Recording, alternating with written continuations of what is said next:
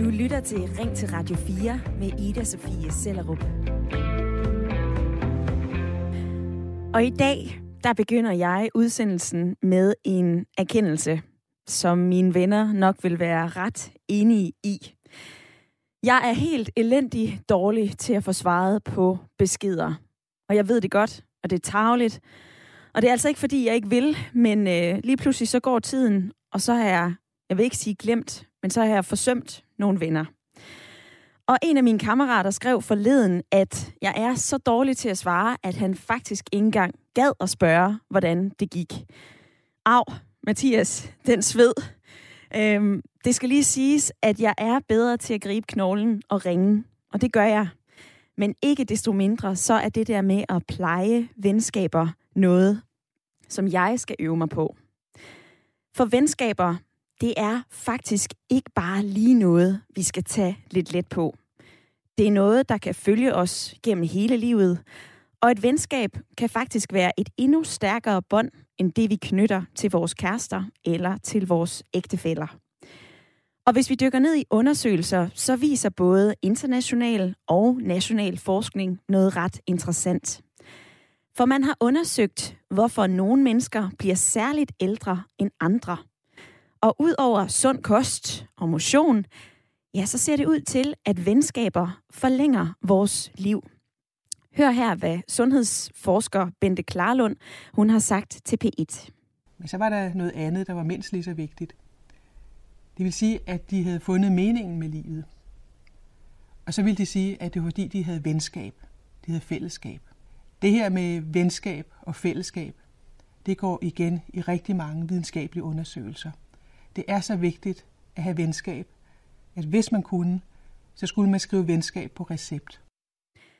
Nu vil jeg gerne spørge dig, der lytter med. Har du de venner, du synes, du har brug for? Eller kan du føle dig ensom? Du må gerne deltage i dagens debat på telefon 72 30 44 44. Du er også velkommen til at sende en sms herind, hvis du lige skal vågne. Klokken den er 9.07. Husk at skrive ind til 1424, hvor du begynder din besked med R4. Så laver du et mellemrum, og så skriver du din besked. Og dagens debatspørgsmål, hvor vi dykker ned i venskaber og ensomhed, det vil jeg gerne drøfte med dig, Frank Bernhøj. Velkommen til. Tak skal du have. Du er med i dagens lytterpanel som eneste mand. Det er, det er dejligt at have dig med igennem hele timen. Øhm, du er 52 år. Du kommer fra Viv, en by, der ligger mellem Vejle og Kolding. Og så har du tre børn, og så har du været soldat, du har været pædagog, og lige nu så er du så sygemeldt. Ja. Øhm, vi tager fat i venskaber og ensomhed i dag. Synes du, at du har de venner, du har brug for? Absolut ikke. Under ingen omstændigheder. Øh, langt fra. Øh, jeg synes, at øh, det er lidt i stil med det der, når man har lært nok, så har man faktisk ikke lært noget som helst. Øh, så jeg er altid åben for dem, som krydser min vej. Øh, kan, hvad, hvad er de for nogen? Hvad, hvad, hvad kan jeg bidrage med til deres liv, og hvad kunne de eventuelt bidrage med til mit? Ja. Og hvad med ensomhed, hvis vi dykker, øh, hvis vi dykker ned i det? Altså, når du så ikke har de venner, som, øh, som du vil ønske dig, kan du så sidde med følelsen af ensomhed? Ja, det kan jeg godt. Øh, og det, det gør jeg jævnligt. Øh, jeg er rigtig god til at øh, lave relationer. Øh, jeg er også god til at vedligeholde dem, og det er måske der, at, øh, at, at problematikken den skal søges lidt for mit vedkommende. Mm. Jeg er så god til at vedligeholde dem, at dem, som jeg er i relation med, de behøver egentlig ikke gøre noget. Og det er lidt et andet, uh, andet aspekt af snakken, som vi uden tvivl kommer ind på i løbet af den næste times tid. Frank er med i lytterpanelet, og det er jeg glad for. Og jeg vil lige uh, smide nogle argumenter på banen for øh, venskaber og det at føle sig forbundet til et menneske. Det er en stor hjælp mod ensomhed, fortæller Psykiatrifonden. Og ensomhed, det er jo en følelse, vi alle sammen kender. Det er følelsen af at være ufrivilligt alene – og jeg vil lige understrege, at vi jo alle sammen kommer igennem livet med en følelse af, af ensomhed på et eller andet tidspunkt. Men problemet det kommer, når det er en permanent skygge i vores liv. Når det ikke bare er den korte ensomhed, men når det altså bliver langvarigt. Og i den seneste undersøgelse, jeg har kigget ned i, der siger flere end 380.000 danskere, at de føler sig ensomme. Det er en undersøgelse, som er lavet af Dansk Røde Kors og øh, Kommunernes Landsforening. Og øh, som en lille notits i den undersøgelse, så står der, at nedlukningen under coronakrisen altså ikke har gjort det her problem mindre. Øhm, Psykiatrifonden siger, at som sagt, kortvarig ensomhed, det er ufarligt, men langvarig ensomhed, det kan altså føre til selvskade, angst, depression og selvmordstanker. Så vi dykker ned i venskaber og ensomhed i dag i Ring til Radio 4. Jeg synes, det her det er et meget vigtigt emne at få debatteret, og du er meget velkommen til at være med i debatten i dag. Fortæl mig, har du de venner, du har brug for, eller kan du godt føle dig ensom? Du kan dele din mening og din holdning, din erfaring til Øh, du kan ringe ind på øh, 72 30 44 44, og så må du også gerne sende en sms ind til 14 24.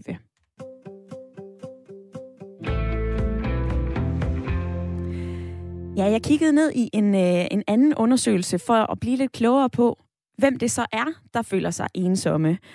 Og det er jo egentlig noget, vi alle sammen gør, men særligt de 16-29-årige, de føler sig ensomme. Der er der 12 procent i en analyse fra Mary-fonden, øh, hvor at unge mennesker har givet udtryk for, at de føler sig ensomme. Knap 8 procent af de plus 80-årige føler sig også ensomme, og øh, hvis vi skubber den over i, øh, i den anden side af aldersskalaen, så er andelen stødt stigende, jo ældre man er. Øhm, og så har jeg fundet et klip med en chefpsykolog fra Psykiatrifonden. Hun sætter nogle ord på, hvad ensomhed er for en følelse. Prøv lige at høre med her. Det ensomhed fortæller os er, at der er et tomrum i os, der kalder på at blive fyldt ud. Ligesom sult fortæller os, når vi mangler mad, så fortæller ensomhed os, når vi er underskud på den sociale konto. Ensomhed er en ubehagelig følelse, og den kan være meget smertefuld. Men den er et signal til os om, at det vil være godt, hvis vi kan finde en vej til i højere grad at føle os forbundet med os selv, andre og omverdenen. Og så vil jeg lige øh, vende det her med dig, Frank. Bernhøj, du er med i lytterpanelet i dag. Når du hører det her klip med uh, Gitte Charles, hvad tænker du så? Ja, det kan jeg sgu sagtens relatere mig til. Ja. Uh, og det er, jeg kan overføre det til rigtig mange aspekter og rigtig mange følelser. Uh, men, men vi skal også huske på, at, uh, at følelsen af ensomhed, den er individuel. Øh, det er et hul, der, der mangler at blive fyldt ud. Uden tvivl, det er korrekt. Mm. Øh, nogle har et stort hul, andre har et, øh, et lille hul. Nogle vil gerne have det fyldt ud. Nogle de svælger i deres, øh, i deres øh, selvsmerte. Mm-hmm. Øh, det er meget, meget individuelt. Øh, der er ikke nogen, der kan sige, at øh, det, hvordan det, det skal håndteres og hvordan det skal tolkes. Øh, men der er dog visse fælles øh, ligheder, synes jeg nok. Ja. Og hvad så, når du, øh, når du tænker på ensomhed. Nu er der jo øh, knap 400.000 danskere, som føler sig ensomme. Så vil der jo nok også være nogen, der vil sige, jamen så er det da bare op til folk selv at komme ud og gribe de der fællesskaber, så man ikke føler sig ensom. Det er også rigtigt. Men i kraft af, at øh, der også bliver flere og flere singler øh, i, i Danmark, jeg vil lige indskyde, at når, de, når der bliver sagt 400.000, så tror jeg simpelthen, det er for lidt. Jeg tror, det er alt for lidt. Jeg tror, at tallet er 10 gange før. Okay. Men, øhm, men i kraft af, at der er flere og flere singler, og vi øh, bevæger os hen imod et, øh, en systematik i samfundet, hvor øh, alle skal kunne alting selv og være smart i en fart, og vi skal, vi skal med med huske at realisere os selv, og vi er også så succesfulde. Det gør det ikke bedre, det gør det værre, og det bliver værre og værre for hver dag. Men altså, hvad, for eksempel med de unge mennesker, øh, de 16-29-årige, der kan der jo være den der opfattelse af, at man skal være på sociale medier. Og jeg så en undersøgelse her forleden dag, hvor, som egentlig viste, at særlig Instagram kan gøre, at man kan føle sig øh, særligt ensom og, og få lavere selvværd. Men brugen af sociale medier, det er vel noget, vi alle sammen gør? Det tænker jeg som nok. Øh, der er rigtig mange. Øh, og, og det er også, skal man jo huske, at sociale medier, det er jo useriøst, det er, og det er respektløst. Det er jo et, øh, et, et, et fyld af noget, som er en dårlig substitut for noget andet, der mangler. Mm. Vi sætter den direkte i, i forbindelse med, med ensomheden, så synes jeg da bestemt, at de sociale medier de, øh, har en indflydelse på ensomheden. Ja. Og jeg tænker da også, at øh, hvis man sidder og kigger ned over alle de her, der er smart i en bar, der kan det hele på den halve tid, og, og man springer fra den ene person til den anden, og det er måske der problemet det opstår, at øh, så, så kan jeg sgu godt forstå, at man føler sig utilstrækkelig. Og ensomhed, det er jo en form for, for utilstrækkelighed. Men når du siger det der med, at man kan bare række ud, ja, good luck med det. Mm. Øh, man skal have rimelig meget coronas, man skal have rimelig meget øh, selvtillid i orden og selvværd på plads, for at øh, kan sidde og kigge sig selv i spejlet og sige, åh, oh, forresten, Frank, for fanden, du er ensom. Øh, nå ja, jeg rækker sgu lige ud efter nogen. Det, øh, klokken den er, det kan jeg lige nå ind med dig. Hvad har du selv oplevet, når du har rakt ud? At jeg bliver distanceret. Øh, hvis jeg stiller mig op øh, og siger til nogen, jeg har prøvet det, simpelthen som en test, simpelthen for at prøve det af og se, hvad sker der? Mm. Øh, og jeg rakte ud, og i en forsamling sagde, hey, folkens, jeg er ensom. Øh, det, der skete, det var, at hvis ikke jeg var ensom, så blev jeg det sgu. Det er noget af det, en af de største tabuer i Danmark. Øh, det er ensomhed. Vi må simpelthen ikke uh, snakke om det. Og ved du hvad, Frank, det er, det er du ikke den eneste, der mener. Jeg kan se, at flere de øh, gerne vil være med i snakken på sms'en. Og der er flere, som nævner det her med tabu. Tina, hun har skrevet ind, Hej, ja, venskaber skal plejes, men det er misforstået, at den ene part kan kræve, at den anden skal ringe eller sms'e i et vist interval. I et godt venskab respekterer man hinandens forskelligheder, også selvom at det betyder, at den ene ringer. Så er der også en her, som har skrevet ind, jeg har ingen venner, det vil sige, jeg omgås ingen, og der er ingen, jeg kan ringe til. Jeg er altid alene, også når jeg skal på ferie, og jeg taler med andre, når jeg er på arbejde.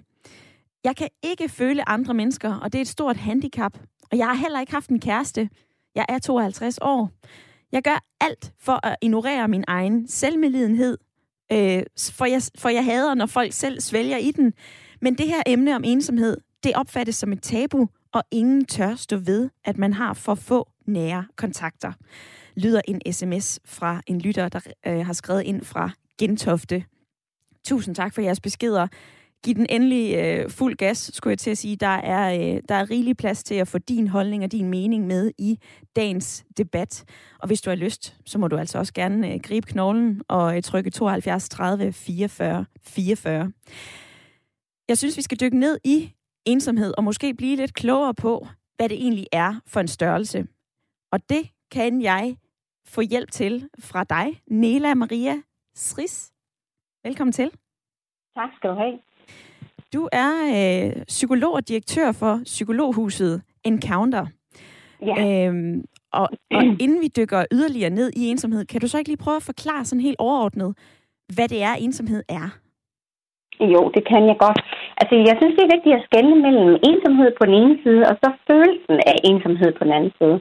Fordi at man kan godt leve i ensomhed, og det betyder, at man lever alene, man har trukket sig fra andre mennesker.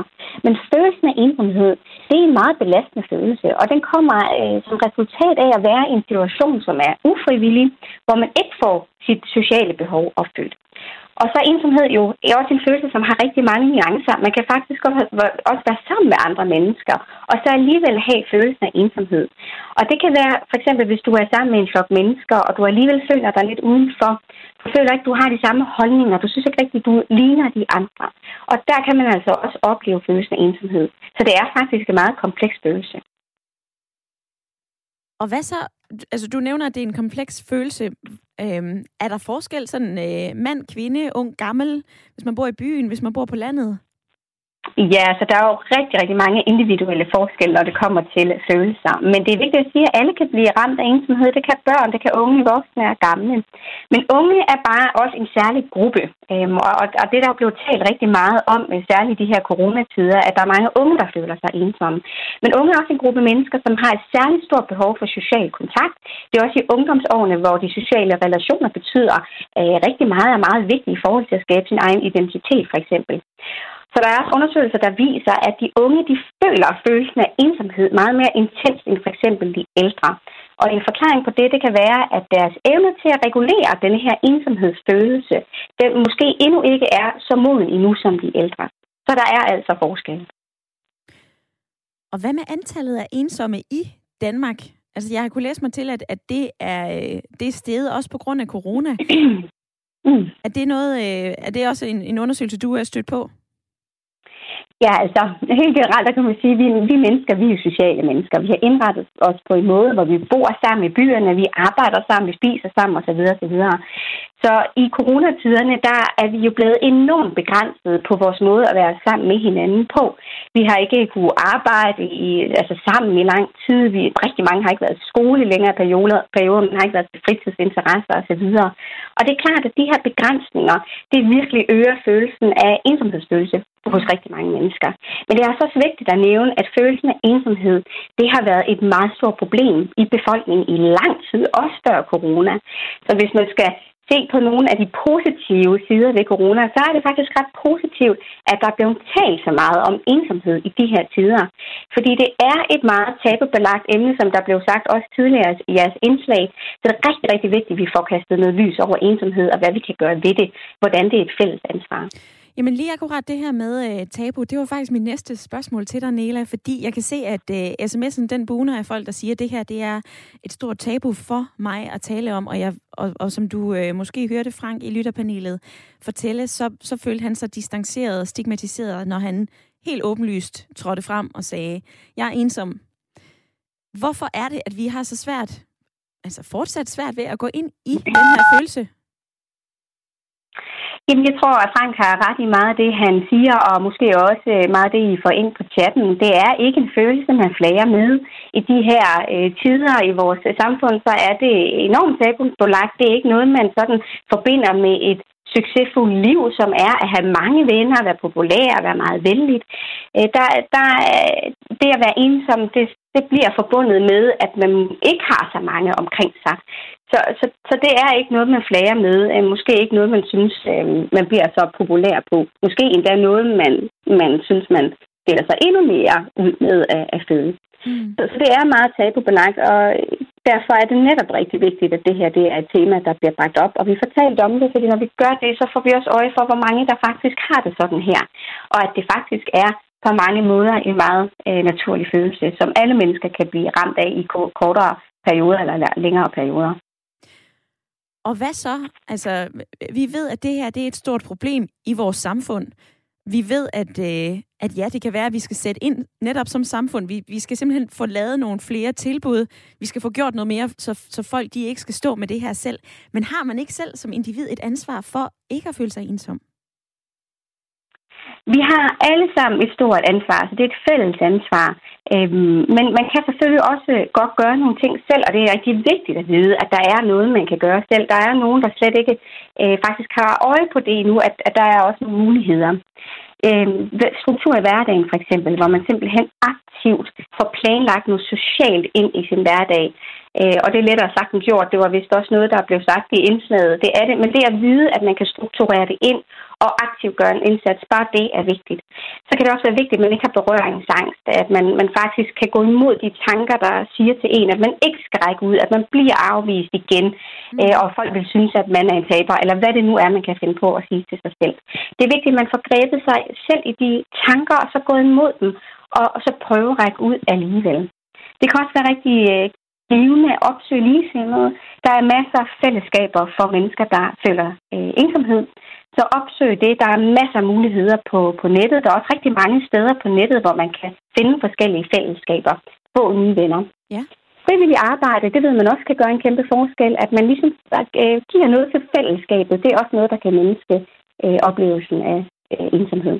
Og lige sidste, et sidste råd, det er jo så, fordi at det er et fælles ansvar, det er også vigtigt for alle, der lytter med, at og lige overveje, er der nogen i min vennekreds, i min omgangskreds, som måske går meget alene og føler sig ensomme?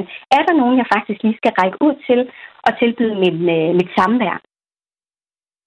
Rigtig gode pointer og, øh, og gode råd, Nela Maria Stris. Tak fordi du havde lyst til at være med i dag. Velbekomme psykolog og direktør for øh, psykologhuset Encounter.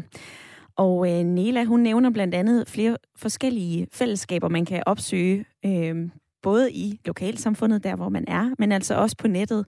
Og jeg faldt over en gruppe på Facebook, som hedder øh, Du er ikke alene, find en veninde.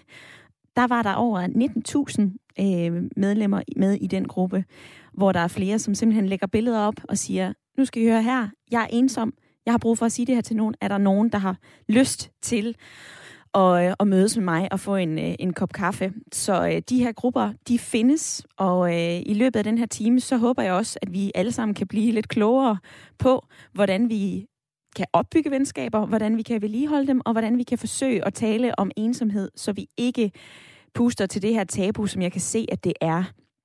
Jeg har fået flere sms'er, som jeg gerne vil øh, dele med dig. Det er Tine, hun har skrevet ind til 1424. Jeg kommer til at tænke på, når man spørger andre, går det godt? Så forventer man, at svaret er, ja, det går fantastisk. Men hvis man så får et svar, der fortæller, at det går ikke så godt, ja, så stopper samtalen, og folk flygter. Og sådan er det også med ensomhed. Jeg har få venner, men rigtig mange bekendte, og jeg føler mig meget heldig med ikke at være ensom. Men jeg frygter den dag, jeg er 60 plus, da vi ikke har nogen børn, men det må vi så tage til den tid, skriver Tine ind til 1424. Katarina har også sendt mig en sms. Hun skriver, Hej Ida, for mig er det lige omvendt. Jeg synes, jeg følte mig mere ensom og havde meget sværere ved at være alene, da jeg var yngre, og det resulterede i rigtig mange ture i byen, hvor jeg nu faktisk foretrækker at være alene langt det meste af tiden. Selvfølgelig er det hyggeligt at være sammen med venner en gang imellem, men jeg føler mig på ingen måde ensom, når jeg er alene. Og øh, den sidste, den kommer her. Hej Ida, jeg har ingen familie, med en, men en veninde, jeg elsker højt gennem 20 år. Jeg kender ikke andre, så jeg vil sige, at min afdøde hund er et venskab, som er dybt savnet. Jeg har ikke påvirket af den nuværende corona i samfundet, men jeg er vant til mit eget selskab. Sådan lyder en øh, håndfuld sms'er. Du må meget gerne sende din mening og holdning ind til dagens debat, hvor vi tager fat i venskaber, ensomhed.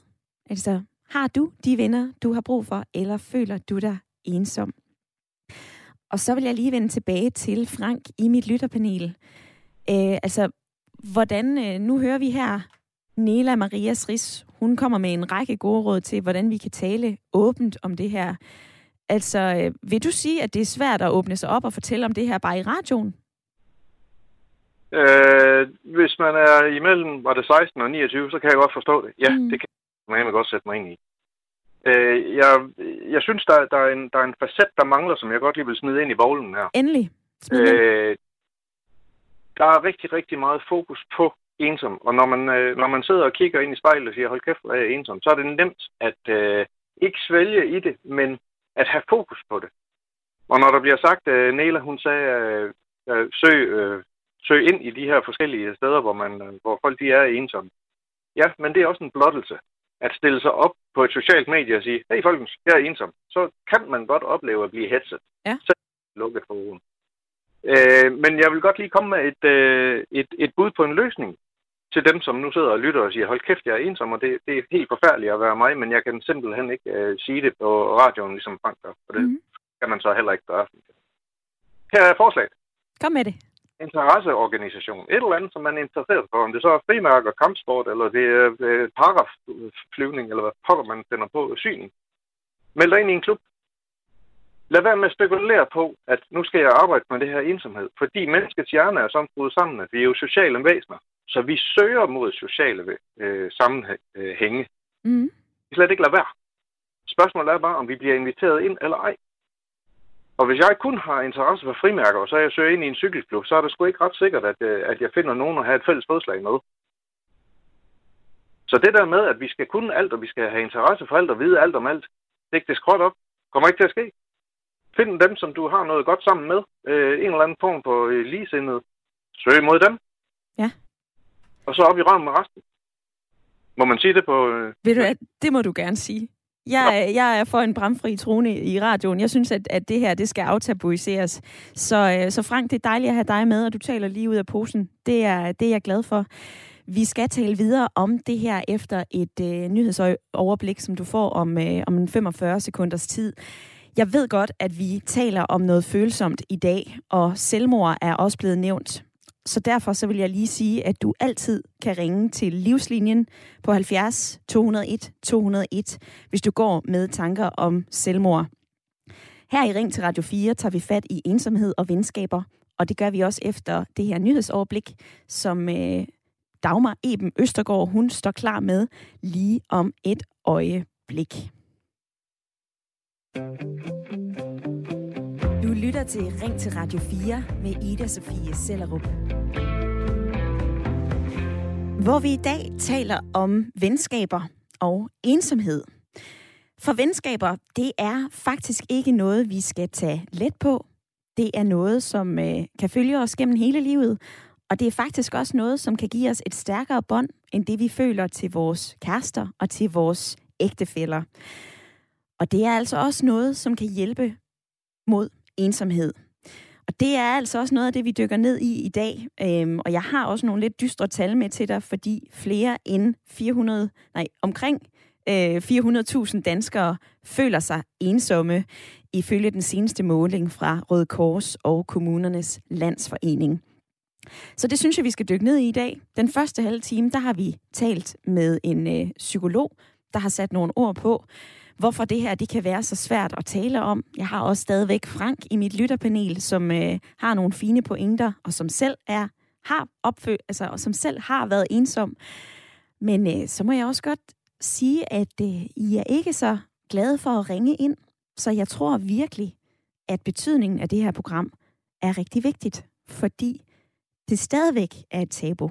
Det kan stadigvæk godt være rigtig, rigtig svært at tale om. Og der vil jeg øh, sige, ved du hvad, jeg inviterer dig til at komme med i snakken alligevel, uanset hvilken holdning du har, uanset hvilken erfaring du har, så er du altså velkommen til at være med i snakken bare et par minutters tid. Jeg lover at tage godt imod dig her i studiet. Du kan ringe her ind og øh, dele din holdning, din erfaring. Helt konkret så spørger jeg dig i dag, om du har de venner, du har brug for, eller om du kan føle dig ensom. Send en sms ind til 1424, skriv R4, et mellemrum, og så din mening. Du må også gerne ringe her ind på 72 30 44 44. Og sms'erne, der er der et par stykker her. Annette, hun har skrevet ind. Nogle mennesker er ekstroverte, udadvendte. De har nemt ved at række ud og skabe kontakt. Og andre er natur introverte og har ikke altid overskud eller selvværd til at opnå kontakt. Få gode venner, man er på bølgelængde med, ja, det er vigtigere end mange ligegyldige kontakter. Og i livskriser, så kan det føre til, eller i livskriser kan det til tider føles uoverkommeligt at opretholde kontakten til selv gode venner. Måske ønsker man ikke at belaste de gode venner med ens egne problemer, skriver Annette ind til 1424. Så har René sendt den her ensomhed er super fint formuleret af Frank i lytterpanelet. Jeg kan genkende hvert et ord, og især hvor svært det kan være at række ud. Jeg ved, at ensomhed kan forekomme, både når man er alene eller sammen med andre, har René skrevet ind. Og det er jo en rose til dig, Frank. Ja, tak. Øh, fantastisk, og jeg er enig i stort set alt, hvad der bliver sagt. Øh, og, og jeg synes også, det er sygt vigtigt, at vi lige holder fokus på, der er ikke rigtig telefonstorm ind til dig. Nej, det er der ikke. Og det er, øh, jeg dadler ikke nogen for det, og jeg kan med godt forstå det. Mm. Grænser til selvudslættende at stille sig op og sige øh, offentligt, øh, jeg er ensom. Det jeg godt lige vil skyde hen på, det er rigtig, rigtig mange af dem, som jeg har snakket med. Det lyder som sindssygt mange. Det, men det, jeg, jeg snakker med rigtig mange mennesker. Og når jeg siger ensom, så kommer vi lynhurtigt til at snakke om selvmord. Ja. Øh, det, der er det fantastiske ved det menneskelige sind, det er, at man tror, vi tror alle sammen, vi er unikke. Og det får vi også tudet ørerne fulde med, åh, vi er så unikke, og vi er noget særligt og sådan noget. Ja, hvis vi alle sammen er noget særligt, så tænker vi også alle sammen nye tanker. Det er ligefrem logik. Men der er ingen, der tænker nye tanker. Så uanset hvilken tanke man har i sit hoved, så er det helt garanteret, at der er mindst en million andre mennesker, der tænker det samme. Så du er aldrig alene? Du er aldrig mm. alene med dine tanker. Men jeg kan være alene med mine tanker, hvis jeg ikke siger dem. Hvis jeg ikke taler dem højt. Mm. En mm. af de ting, som, øh, som nu bliver der sagt, det med introvert og ekstrovert, og det er sandt. Det er alt sammen sandt. Jeg har været øh, alene slash ensom, siden jeg var 6 år gammel. Øh, jeg har to søskende, og de, de havde rigtig meget, øh, havde det fint med hinanden. Jeg havde ikke nogen. Mine forældre havde det fint med hinanden. Jeg havde ikke nogen. Mm. Hos i min familie fra jeg var 6 år gammel. Jeg har på den hårde måde lært, at introverte, de, øh, de lever nok lidt kortere end ekstroverte. Øh, så jeg har simpelthen måttet øh, tillære mig selv at række ud og, og danne relationer. Det har været en livslang øh, læring. Jeg er slet ikke færdig. Langt fra. Og det... øh, jeg er en klovn til relationer, men jeg, jeg kæmper for det hver evig eneste dag, og jeg gør alt, hvad jeg kan for at skabe relationer. Og ved du hvad, Frank, det kan jeg høre, at det kan jeg høre, du gør. Øhm, vi har jo talt om det her øh, tidligere, også da jeg ringede til dig i går og, og fortalte om, hvad det var, vi skulle tale om i dag. Så spurgte jeg dig jo til, jamen hvad pokker skal man gøre? Altså hvordan skal vi i samfundet se det her? Og så sagde du, vi skal se ensomhed som et brækket ben. Prøv lige at forklare det.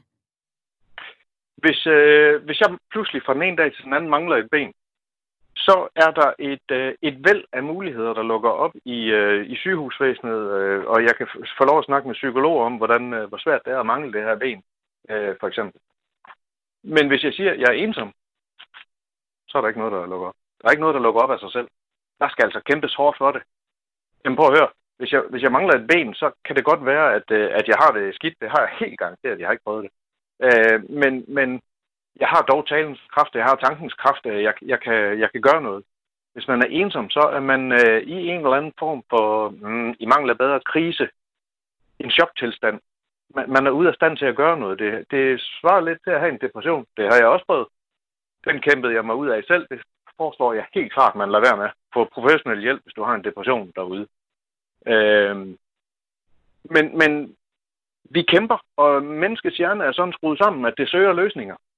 Men hvis man ikke lige umiddelbart kan finde en løsning, så tror man, at man sidder selv med, med, de, med tanker. Mm.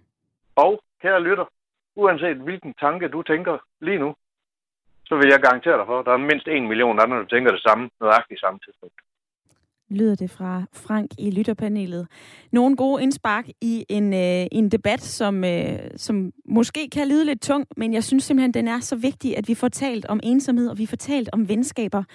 Og så kan jeg, og den kan jeg jo også lige fortælle til dig, Luna, der har skrevet ind, du lytter med fra Nørrebro og spørger, hvad emnet er i dag. I dag, der taler vi jo om, øh, om venskaber og vigtigheden af venskaber, men selvfølgelig også den øh, bagside, der kan være, når man ikke føler, at man får det opfyldt, nemlig at man er ufrivillig alene. Og der kan jeg sige velkommen til dig, Hassan på 40. Du lytter med fra Tostrup. Det gør jeg i hvert fald. Goddag. Goddag.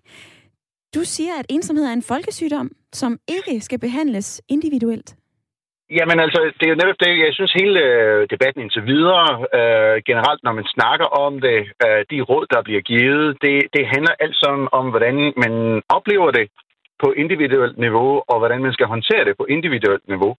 Men nu er jeg jo født og opvokset i Pakistan, som er sådan et meget socialt øh, øh, samfund, i og med, at man, øh, øh, det er, hvad jeg kalder et netværkssamfund, hvor ens eksistens øh, ofte øh, øh, Ja, øh, øh, hvor øh, ens netværk og de kontakter og den kontakt, man har med andre, bestemmer ens øh, muligheder i livet. Ja. Sådan er det jo ikke så meget her, her i Danmark.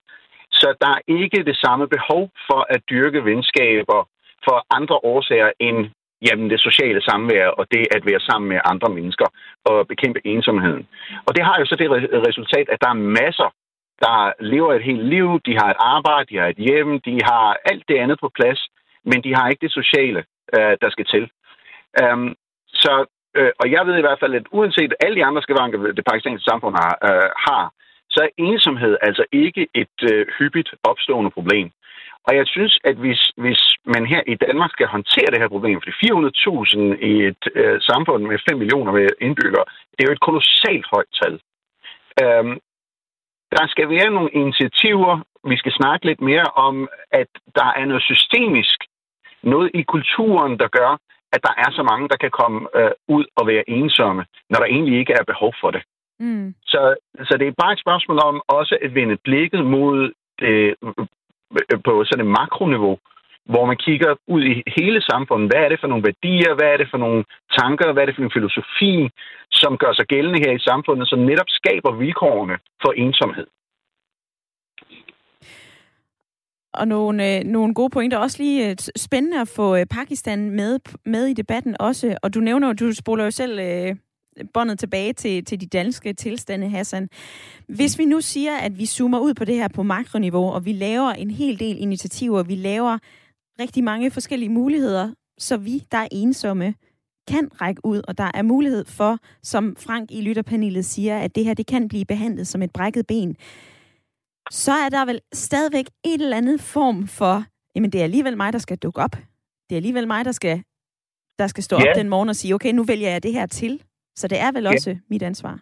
Men det er det, lad, lad, øh, jeg vil sammenligne for eksempel det der med, med jobjagten. Uh, man kan snakke med lige så mange jobkonsulenter på jobcenteret, man kan have taget lige så mange praktikker og det hele, men hvis arbejdspladserne ikke er der, men så finder man ikke et arbejde.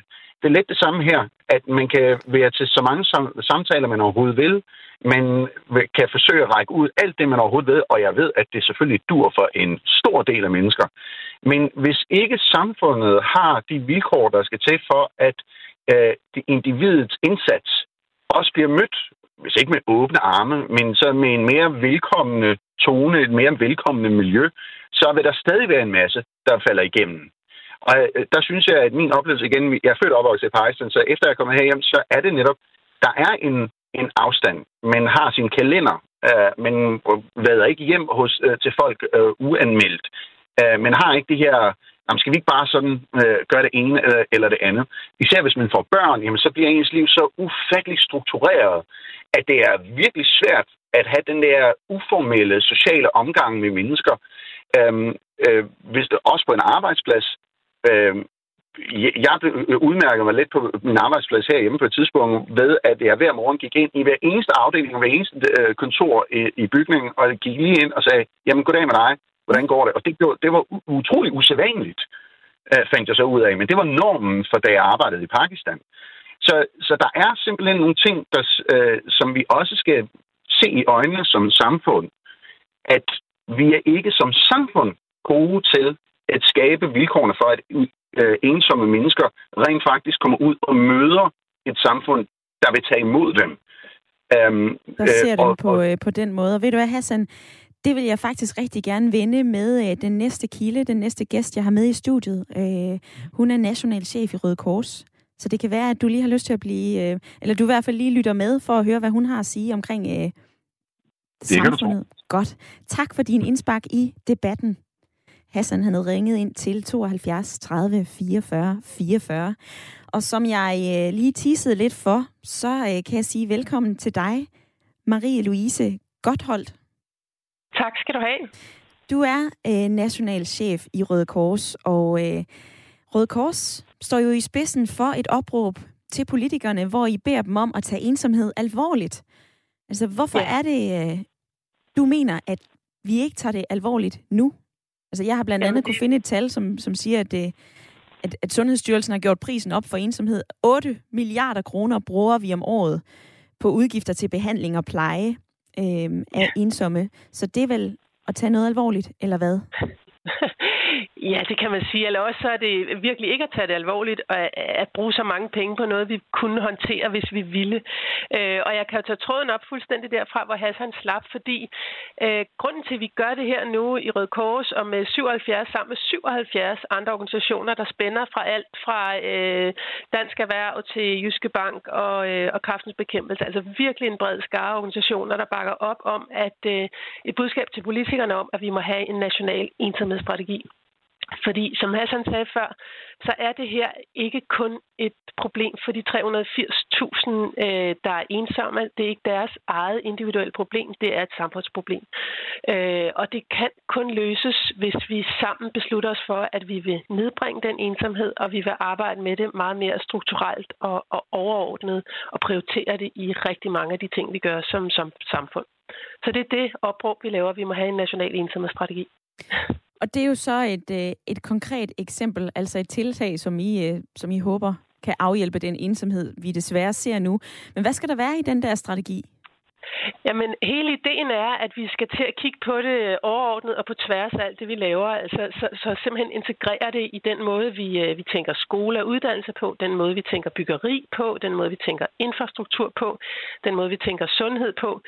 Fordi øh, vi alle sammen i, i, gennem livet kommer i situationer, hvor vi er udsat for at blive ensomme, og nogen er ensomme hele livet, og, og man kan ikke løse de problemer selv. Vi er simpelthen nødt til at arbejde med, hvordan vi fremmer relationer, så, så det bliver nemt at møde hinanden. Ligesom Hassan sagde før, og det er jo altid super interessant at få et blik fra en anden kultur på, hvordan man selv er.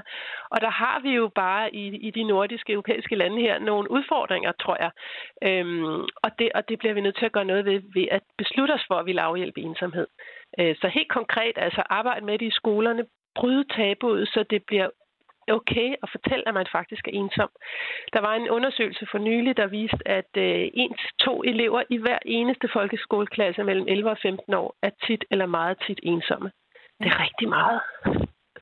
Det er rigtig øh, så altså ud i, ja, det er rigtig mange. Så ud at arbejde med det i skolerne, uddanne lærere og pædagoger til at og, at kunne tale om det og til at kunne hjælpe eleverne til at få relationer.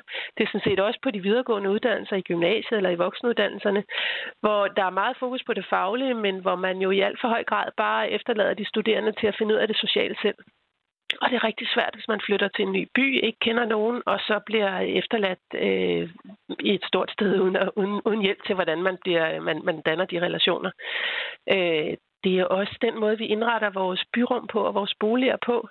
Øh, vi har ikke længere brug for at gå ned i den fælles vaskekælder eller ned til den fælles købmand. Vi kan klare det på nettet osv. Så, videre. så, så, men at tænke i at lave nogle bymiljøer og nogle beboelser, hvor, hvor der er fællesrum, hvor vi øh, har mulighed for at være sammen, og hvor det indbyder til samvær, det tror jeg er enormt vigtigt, og det skal vi prioritere.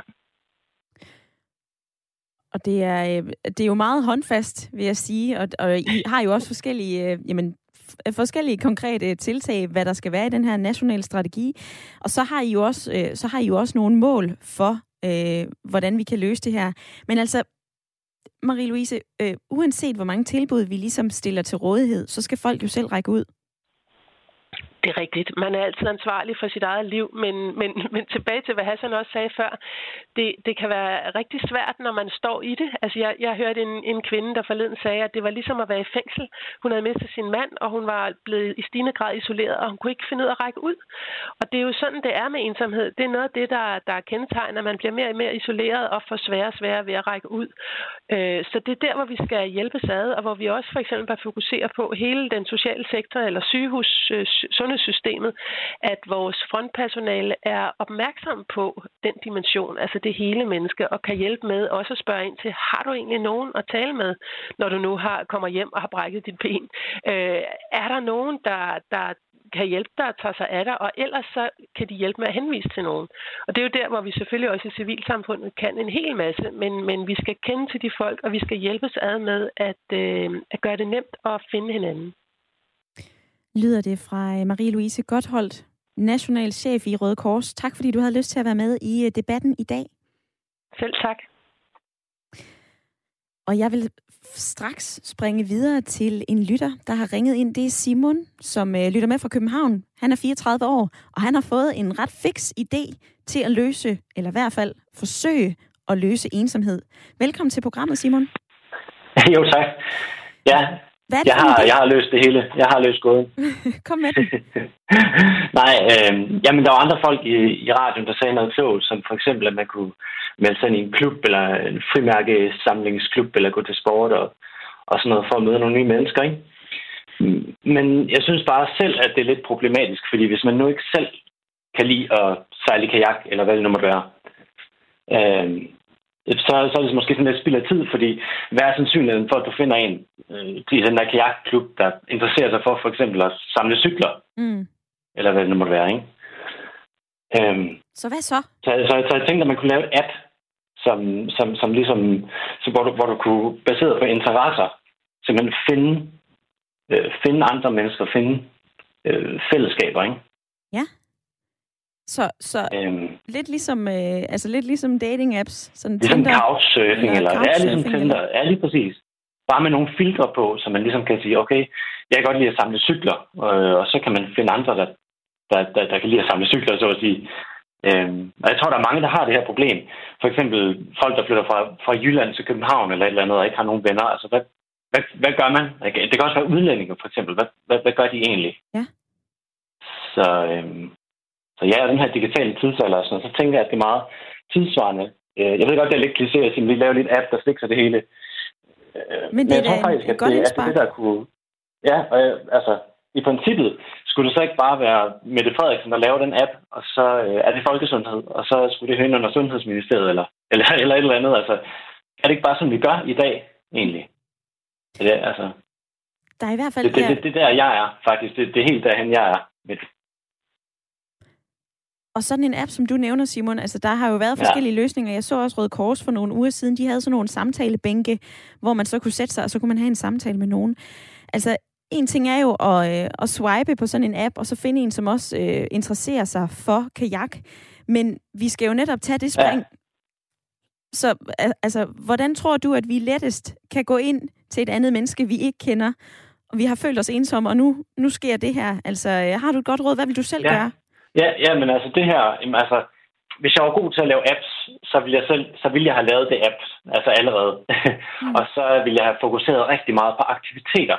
Det vil sige, som events for eksempel, at man, man, man, man får folk til at lave events, eller man, man laver som, som, som moderator eller administrator af den her app, eller som hjælper af det her app, så laver man forskellige events.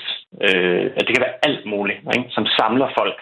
Øh, jeg ved, det virker på Facebook, øh, så jeg kan ikke lige se, hvorfor det ikke også skulle virke i en app. Øh, altså for eksempel folk, der inviterer til en koncert, eller til et eller andet jazzfestival, og der er sådan nogle expat øh, hvad hedder det, grupper og sådan noget, øh, sådan noget inde, hvor man skal vi mødes i parken til det her, eller skal vi...